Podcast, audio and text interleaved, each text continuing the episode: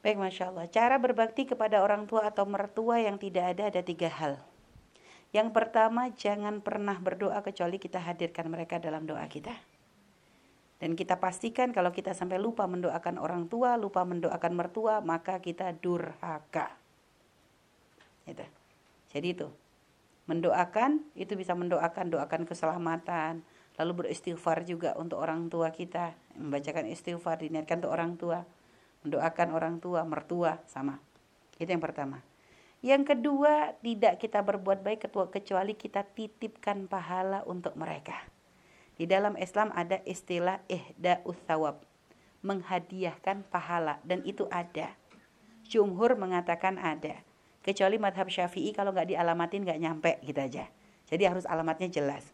Tapi kalau jumhur ya sudah pokoknya diniatkan itu sudah sudah nyampe aja. Jadi contohnya apa?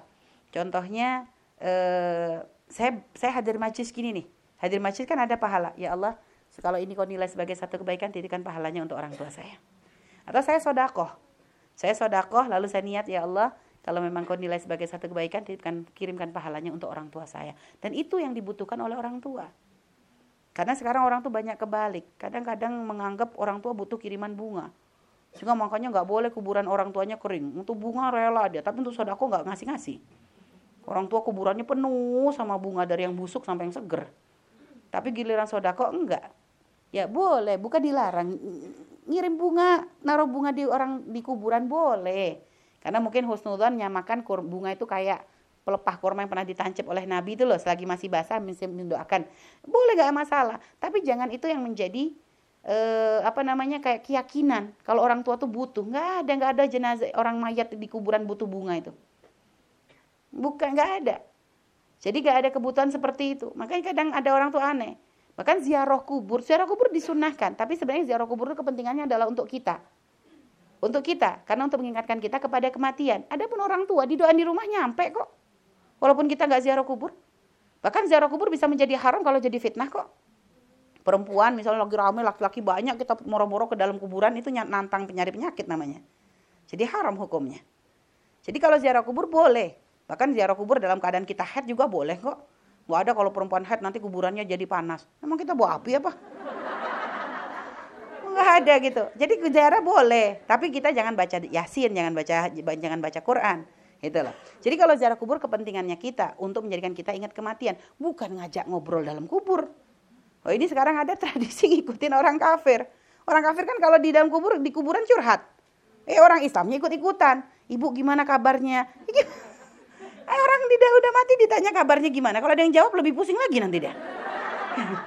Jadi jangan ngajak ngomong dalam kuburan. Ibu yang tenang ya di sana. Saya di sini alhamdulillah. Eh model apa ini? Disangka orang dalam kubur. Kuburan ini hanya sekedar tempat jasad. Ruhnya nggak di situ. Nah ini loh kesalahan. Kenapa? Nganggep kuburan tuh kayak rumahnya orang meninggal. Bukan. Itu hanya tempat jasadnya saja. Ruhnya nggak di situ. Ngapain kita ngomong? Saya orang, orang gila itu yang ngomong di kuburan. Gitu.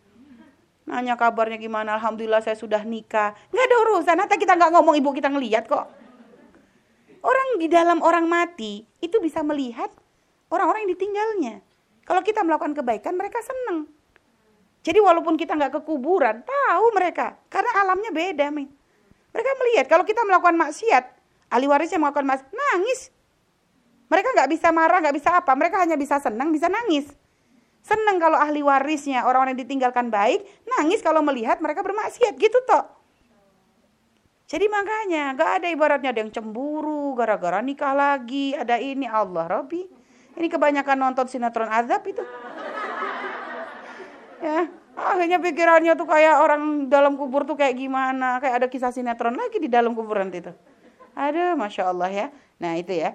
Jadi kebutuhan orang tua tuh adalah amal baik kita. Jadi semua kebaikan kita. Kita berjuang misalnya di pondok, kita begini-begini. Kebaikan kita niatkan, ya Allah kirimkan pahalanya untuk orang tuaku ya Allah. Terus, itu termasuk bakti. Dan termasuk yang ketiga, ini adalah termasuk bakti yang termasuk bakti. Dikatakan oleh Nabi min abaril birri silatuwuddi abihi. Paling baktinya bakti kepada orang tua, apakah masih hidup ataupun sudah meninggal, adalah dengan berbuat baik kepada orang yang dicintai oleh orang tua kita. Sambung. Dan ini bukan hanya untuk orang tua, bahkan dilakukan Nabi untuk istri beliau. Sayyidah Khadijah. Nabi cinta dengan Sayyidah Khadijah sehingga sampai wafatnya Sayyidah Khadijah disebut terus sama di depannya Sayyidah Aisyah. Nggak pernah Nabi tuh ada makanan kecuali kirimkan ini untuk si fulana. Dia pernah baik di zaman hidupnya Khadijah. Potongan daging ada mau nyembelih daging atau apa, kirimkan daging ini untuk si fulana. Kenapa dia sahabat baiknya Khadijah? Maka sampai Sayyidah Aisyah cemburu kan gara-gara itu. Jadi Nabi itu nggak pernah lupa dengan Sayyidah Khadijah. Lah, jadi ini berarti bukan hanya untuk orang tua atau mertua suami, istri, anak, jadi kita sambung dengan yang berbuat baik dengan itu itu termasuk bakti. Gitu lah. Guru kita itu termasuk bakti. Pernah Sayyidina Ibnu Umar ya putra daripada Sayyidina Umar bin Khattab satu hari beliau naik kuda. Naik naik eh, naik keledai, naik keledai. Naik keledai tiba-tiba ngeliat ada seorang badui di pinggir jalan. Turun dia, beliau turun. Lalu apa? Beliau jubahnya kan pakai baju lapis. Jubahnya langsung dipakein kepada si badui tadi. Disapa si badui tadi, dicium tangannya, jubahnya dipakein, keledainya dikasihin. Udah gitu masih ngasih duit lagi.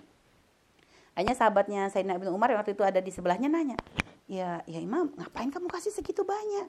Kalau untuk orang Badui gitu sedikit aja berapa keping udah cukup. Mereka butuhnya begitu. Apa jawabnya? Dia adalah sahabat baik ayahandaku. Jadi dia sahabat baik ayahandaku. Jadi ngelihat sahabat baik langsung turun dari dari keledainya, dikasihin semuanya kepada si Badui tadi. Karena tahu min abaril birri kata Nabi. Paling baktinya bakti. Silatul diabihi ketika kita bisa sambung silaturahmi dengan orang yang dicintai oleh orang tua kita. Makanya sambung. Siapa yang dicintai orang tua kita?